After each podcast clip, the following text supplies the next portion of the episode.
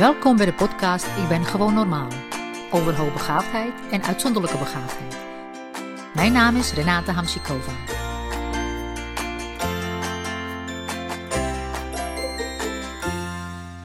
Goedemiddag.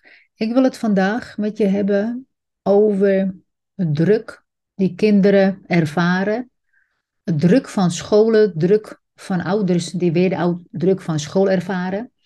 En druk die scholen ervaren van samenwerkingsverbanden. En, um, nou, en eigenlijk uit zich alles, uh, komt, nou, alles komt neer op het kind. Druk op het kind. Het kind dat gedrild uh, wordt tot een zinloze perfectie, waarbij de volwassenen uh, de behoeftes van het kind eigenlijk helemaal niet voor ogen hebben. Niet omdat ze dat niet zouden willen, niet omdat ze niet liefdevol zijn, maar omdat ze dat niet weten. Dat ze dat niet weten. Het is niet gemakkelijk voor niet hoogbegaafde mensen om hoogbegaafdheid te begrijpen. Hoogbegaafde mensen begrijpen zichzelf vaak niet eens. Laat staan dat anderen de complexiteit begrijpen.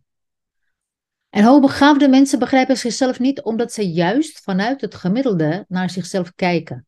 Vanuit de aanpassing, dat leren jonge kinderen al nou ja, vanaf kleins af aan, vanaf dat ze in een groepje komen, leren ze zich aan te passen. Hoe pas ik mij aan? Hoe doe ik mee met de groep? Hoe cijfer ik mezelf weg? Dus dat je als hoogbegaafde niet weet wie je bent, is niet vreemd. de diversiteit binnen hoogbegaafdheid is juist zo mooi. Vergeet niet dat we het in feite hebben over IQ's tussen 130 en 210. Een enorme spanne die in de lagere IQ-regionen gespecificeerd wordt, omdat mensen daar ervaring mee hebben. Dus onder die 130, onder, onder 100. Maar in het spectrum van hoogbegaafdheid, zeker hoe hoger je komt, hebben weinig mensen ervaring mee. Dus is er niet zoveel over bekend. En bovendien, omdat veel uitzonderlijk begaafde mensen vanuit aanpassing leven, dus zichzelf kwijt zijn, kunnen ze vaak niet vertellen hoe het is om zichzelf te zijn. En anderen weten dat dus ook niet. Anderen zullen nooit begrijpen uh, hoe je bent, maar dat geeft niet. Belangrijkste is dat jij jezelf gaat begrijpen door jezelf te ontdekken, opnieuw kennis maken met jezelf, als het ware.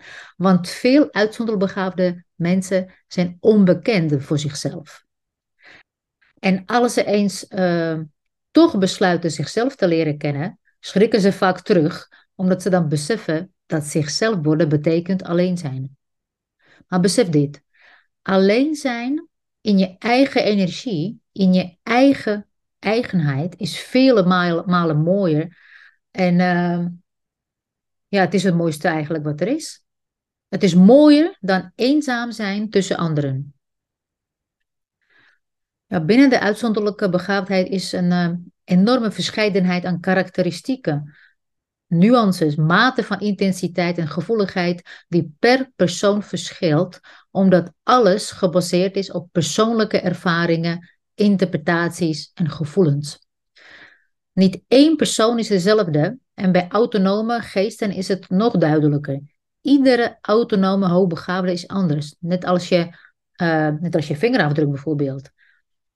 En daarom is een standaard hoogbegaafde aanpak niet afdoende. En ik begrijp heus wel dat mensen in het onderwijs iets moeten. Ze willen alle kinderen onderwijzen. Maar het punt is dat ondanks alle pogingen en inzet het vaak niet werkt, omdat het onderwijs voor hoogbegaafden vanuit het gemiddelde wordt bezien.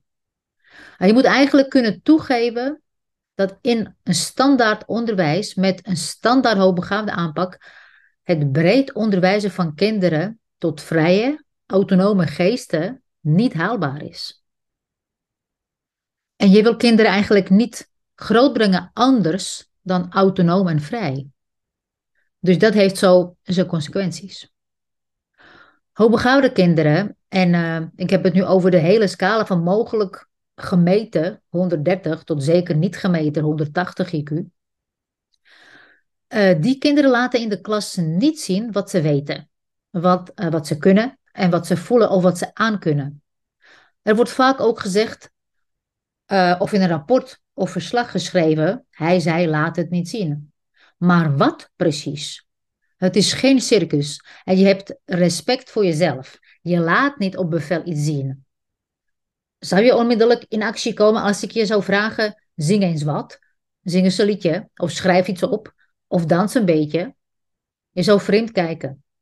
Nou, nou, zo vreemd kijken hoogbegaafde kinderen ook, want datgene wat ze kunnen, waar ze toe in staat zijn, is voor hen helemaal normaal. En vanuit hun sociale vaardigheid hebben ze geen behoefte om ergens mee op te scheppen of uh, te koop te lopen.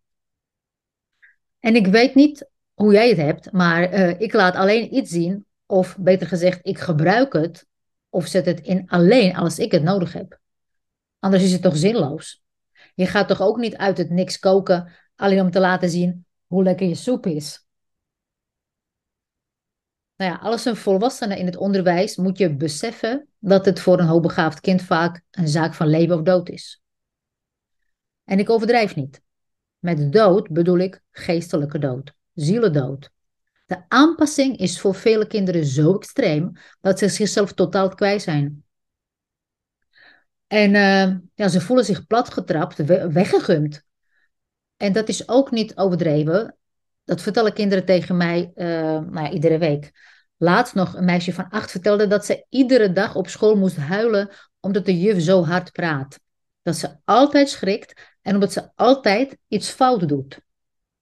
En daar kan de juf misschien een andere verhaal over hebben, maar dit is de beleving van het kind. En het kind heeft die ervaring en dit draagt de ervaring mee. En als je heel erg intelligent bent, is niet alleen je brein intelligent, maar alles. Alles is intelligent. Je zintuigen, je waarneming, je weten, je intuïtie, je empathie, ehm, je creativiteit, alles. En daarom kun je je onmogelijk aanpassen aan het gemiddelde. En uitzonderlijk begaafden kunnen zich niet aanpassen aan hoogbegaafden. Je doet alsof, je hebt wel de vaardigheid om te doen alsof, je doet andere mensen na, maar je kunt je niet, je kunt, je kunt die mensen niet worden, want dan ben je jezelf niet meer. En daarom is aanpassen geen optie, omdat je dan geen rekening houdt met jezelf.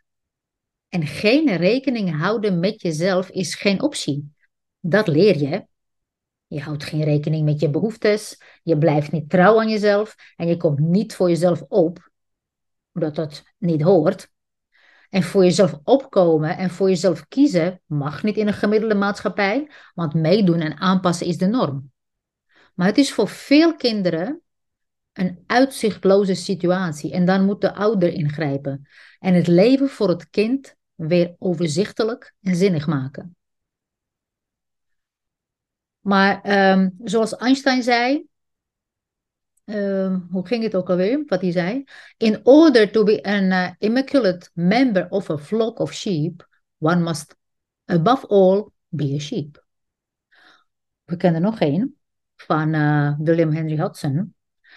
Uh, you cannot fly as an eagle with the wings of a wren. En dat geldt ook voor uitzonderbegaafde kinderen. Want vanuit een uitzonderbegaafd kind is de perceptie ongeveer als volgt. Jezelf onderdrukken, anorexia ontwikkelen, jezelf verwonden, jezelf afsluiten, diepe, onverklaarbare depressie, een diep gevoel van ellende en ongemak of dood willen, omdat je jezelf verliest, doordat je tegen je natuur ingaat, doordat je jezelf verlogent en doordat je niet trouw aan jezelf bent. Het verschil tussen jouw intelligentie en het gemiddelde wordt ondraaglijk, doordat je niet trouw aan jezelf bent en extern gericht bent, afhankelijk van anderen bent geworden, die jou niet begrijpen en totaal niet in jou geïnteresseerd zijn. Ja, waarom niet? Omdat alleen ontwikkelde mensen geen egoïst kunnen zijn. Alleen ontwikkelde mensen hebben de kracht om eigen weg te volgen. En daarmee bedoel ik niet dat je je onttrekt aan het leven. Nee, je stapt juist volop in het leven, in jouw leven, om te leven zoals je het wil. Dat is wat je, dat, is wat je nodig hebt. Dat is wat je, wat je, waar je naar verlangt. Dus durf je te verhuizen? Gun je jezelf jouw leven?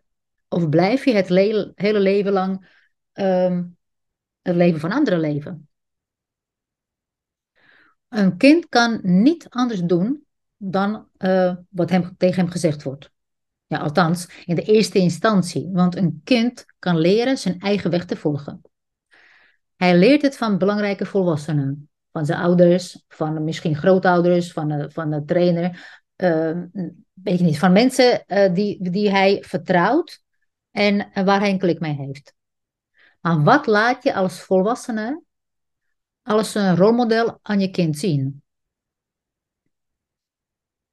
Je sluit je misschien ook vrijwillig op in een gevangenis. Volledig vrijwillig. Want jij bent de enige die daar iets aan kan doen en die daar iets aan kan veranderen en jouw eigen leven leiden. Als jij zelf niet vanuit de aanpassingen, je wantrouwt mensen, je weet dat ze niet integer zijn en toch blijf je telkens weer wanhopig proberen toenadering en begrip te zoeken. Je hoopt op verbinding om wederom teleurgesteld te raken uh, in, in die oppervlakkigheid en kleurloosheid van anderen. Maar hoe vertaalt zich dit tot kinderen? Als je een ouder bent, ben je verantwoordelijk voor jezelf. Dus uh, voor jouw vrijheid, maar ook voor de vrijheid van je kind. Leer je je kind dat het de norm is in de geestelijke gevangenis te zitten, of leer je hem dat het de norm is vrij te zijn? Ik had laatst een gesprek over uh, leerling uh, op de middelbare school uh, met iemand van het samenwerkingsverband. En tot nu toe heb ik weinig mensen van samenwerkingsverbanden meegemaakt die de behoeftes van het kind voor ogen houden. Meestal gaat het erom, als het kind uitgevallen is en thuis zit, dat het weer zo snel mogelijk volledig met het onderwijs meedraait, dus in de klas zit. Want dat is het beleid. Het kind moet zich dus aanpassen omdat het het beleid is. Maar dat is geen universele wet, geen natuurwet. Balans is de natuur, dus ook in de mens. Dat is natuurlijk. En zo'n mevrouw van het samenwerkingsverband zegt dan: Dat hebben we afgesproken. Bij ons in de regio moeten alle kinderen op school zitten en meedoen. En ze denkt: uh, Nee, ze gelooft er heilig in dat dit het beste is voor de kinderen, omdat die op school horen met andere kinderen. Maar wat in deze gedachtegang ontbreekt, is rekening houden met persoonlijke behoeftes van individuen. En omdat uitzonderlijk begaafde mensen kwalitatief verschillen van de norm, hebben ze totaal andere behoeftes. Naast universele behoeftes van liefde voelen en veiligheid ervaren natuurlijk. Maar het punt is dat die veiligheid alleen wordt ervaren als het kind gezien wordt voor wie hij is. Heel erg oprecht en diep gezien wordt voor wie hij is. De oppervlakkige inclusie, omdat het hoort, heeft het kind onmiddellijk door. Maar wat is de grens van hun inclusiviteit? Als ze afspreken dat iedereen op, een, op één been moet hinken, gaan we het doen? Hebben ze het sprookje over de kleren van de keizer nooit gehoord? Hun inclusiviteit is niet jouw inclusiviteit. En als uitzondbegaafde als, als, als een mens met andere behoeftes en voorkeuren binnen de diversiteit, weet je zelf heel goed wat je nodig hebt. Maar de handigheid is om het ook voor jezelf te verzorgen en vooral durven als jezelf door het leven te gaan. Die zinloze perfectie van memoriseren en reproduceren en daar een cijfer voor halen, past niet bij uitzonderlijk begaafde mensen. Dus wat mijn advies is, als je wil dat je kind niet als iemand anders leeft en als het niet getraumatiseerd wordt, verdiep je in de vaardigheden van een onafhankelijke hoogbegaafde, van een hoogbegaafde rebel. En hier, hiervoor heb ik mooie workshops en masterclasses ontwikkeld. Kun je allemaal op mijn website vinden. En in de herfst start ik met uh, vervolg, ja, soort uh, vaardigheden 2.0, Where the Eagles Fly. En er is genoeg uh, te ontdekken. Maar je kunt niet afhankelijk van anderen worden die geen idee hebben dat ze geen idee hebben. Dus praktisch um, heb even dit. Als het gaat om leerplicht. Het staat nergens vermeld dat het verplicht is een klas, in een klaslokaal te zitten. Dus men gaat ervan uit dat het onderwijs gegeven wordt en neemt het als vanzelfsprekend dat het kind in een klaslokaal zit. Maar wanneer een kind uh, nou, bijvoorbeeld een medische aandoening heeft, dan is het geen probleem om onderwijs op afstand te organiseren. Dat komt omdat dat dit, behalve makkelijk te begrijpen natuurlijk ook, onderbouwd is door een arts. En dan is het dus vaak ook een sleutel uh, tot, nou ja, tot of een reden. En mensen geloven dat en nemen dat over. En dan zijn dus niet meer zelf verantwoordelijk. Dat besluit is door iemand anders genomen. Het voelt voor scholen of leerplicht vaak als zich niet aan de regels houden. En de regels zijn er ter bescherming van de kinderen. Dus als er een uh, gegronde reden is en een specialist uh, geeft aan dat het kind uh, voor welke reden dan ook niet in een klaslokaal kan leren, dan zijn ze nog geneigd om te luisteren. Maar uiteindelijk staat het belang van onderwijs en een veilige ontwikkeling voor iedereen voorop. Het punt is dat hier gelijkheid verward wordt met gelijkwaardigheid. Dus niet alle kinderen hebben hetzelfde nodig, maar alle kinderen hebben exact dat nodig wat hun persoonlijke situatie vereist. En dat is de echte gelijkheid. Dat is dus de gelijkwaardigheid. Want je bent gelijkwaardig als mens, met verschillende behoeftes. Dus als een kind bijvoorbeeld lactose-intolerantie heeft, of dyslexie, of slechthorend, of uh, niet tegen gluten kan, of wat dan ook, wordt, neem ik aan, uh, opgevolgd wat het kind nodig heeft. En als het niet zo is, moet er een rechter aan te pas komen om het af te dwingen.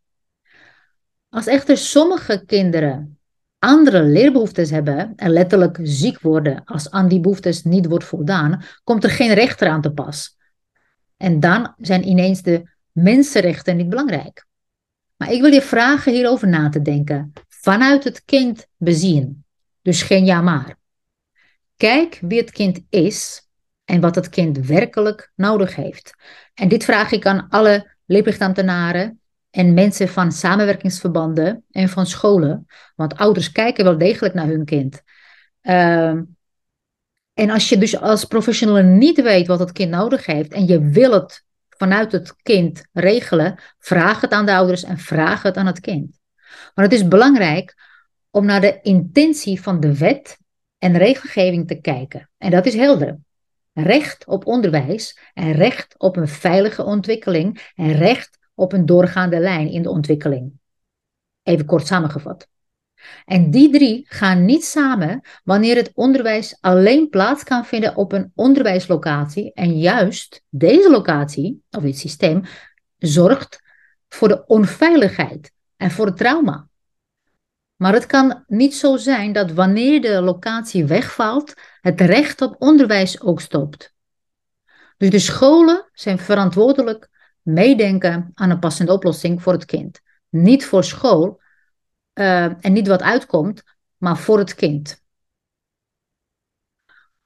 Dus samengevat zou je kunnen zeggen: het gesprek aangaan over de intentie van de wet recht op onderwijs en recht op veilige ontwikkeling en alles wat daarmee samenhangt. Een kind komt niet tot leren als de basis niet in orde is of als het kind zich onveilig voelt. Inzetten op een schoolgang is in sommige gevallen uitstellen van het recht op onderwijs, omdat alle energie daarmee op is. Met andere woorden, als je een kind dwingt in een klaslokaal te zitten, zal het zeker niet leren, omdat het zich daar onveilig voelt en um, omdat daar dus in die situatie met, met zoveel stress niet tot leren komt. Uh, punt 2. Uh, ondersteunende verklaring van een arts. Uh, kan ook GGZ, GGD, nee, wacht even, niet GGZ, GGD-arts zijn. Maar die artsen moeten echt goed zijn in de materie. Dus die moeten weten wat de karakteristieken zijn, dat ze geen misdiagnoses gaan roepen en allerlei dingen. Uh, ze moeten dus heel goed bekend zijn met hoogbegaafdheid uh, of uitzonderlijke begaafdheid. En dan kan zo'n verklaring uh, steun bieden. En drie um, is zorg voor perspectief, een plan voor de wat langere termijn. Dus voor het kind. Het kind, uitzonderlijk kind en volwassenen ook, die heeft zingeving nodig. Zingeving in zijn leven. Werk, denkrichting kan bijvoorbeeld uh, zoiets zijn. Uh, je kunt toewerken aan artikel, naar artikel 15 LPW vrijstelling. Vrijstelling voor kwalificatieplichtige jongeren van 16 plussen, die op een andere manier voldoende onderwijs genieten. En uh, dus echt kijken, kindgericht, wat is uh, voor het kind belangrijk? Wat, wil, wat wil ik, wat willen wij dat het kind leert? Wat, wat wil het kind leren? En dat baseren, dat, dat als basis nemen. En deze werkwijze is uitstekend voor deze doelgroep, met vaak ook ouders die hierin goed ondersteunend kunnen zijn. En echt specialiseren en de diepte in vanuit intrinsieke motivatie en regie op uh, eigen plan, dat is eigenlijk waar het kind uh, behoefte aan heeft. En waarin, dit ondersteund uh, kan worden. Dus als ouder heb je de plicht je kind op te voeden. En dat kan soms moeilijk zijn, daar weet ik alles van. Maar zeker als je op weerstand van je omgeving stuit, daar weet ik ook alles van. Ik kan je daarbij helpen door middel van verschillende live bijeenkomsten of een maatwerkadvies. Maar wat vooral belangrijk is, is dat jij de leider wordt hierin. En niet afhankelijk van anderen, zoals scholen of leerplichtambtenaren of wie dan ook. Jij kunt je informeren. Jij kunt aan jezelf en je eigen overtuigingen werken. En jij kunt je kind tot een weerbare vrije geest opvoeden. Niemand anders kan dat. Dus niet meer drillen, en memoriseren tot je kind erbij neervalt. Zelfsturing oppakken, je kind leren ten alle tijden trouw aan zichzelf te blijven en perfect worden in zijn eigen pad lopen en in zijn onverstoorbaarheid. Nou, ik stuur je veel liefde en uh, als je vragen hebt, hoor ik graag van je. Als je vragen hebt, kun je me mailen op renata-iq.nl. Tot de volgende keer. Zorg goed voor jezelf en zorg goed voor elkaar.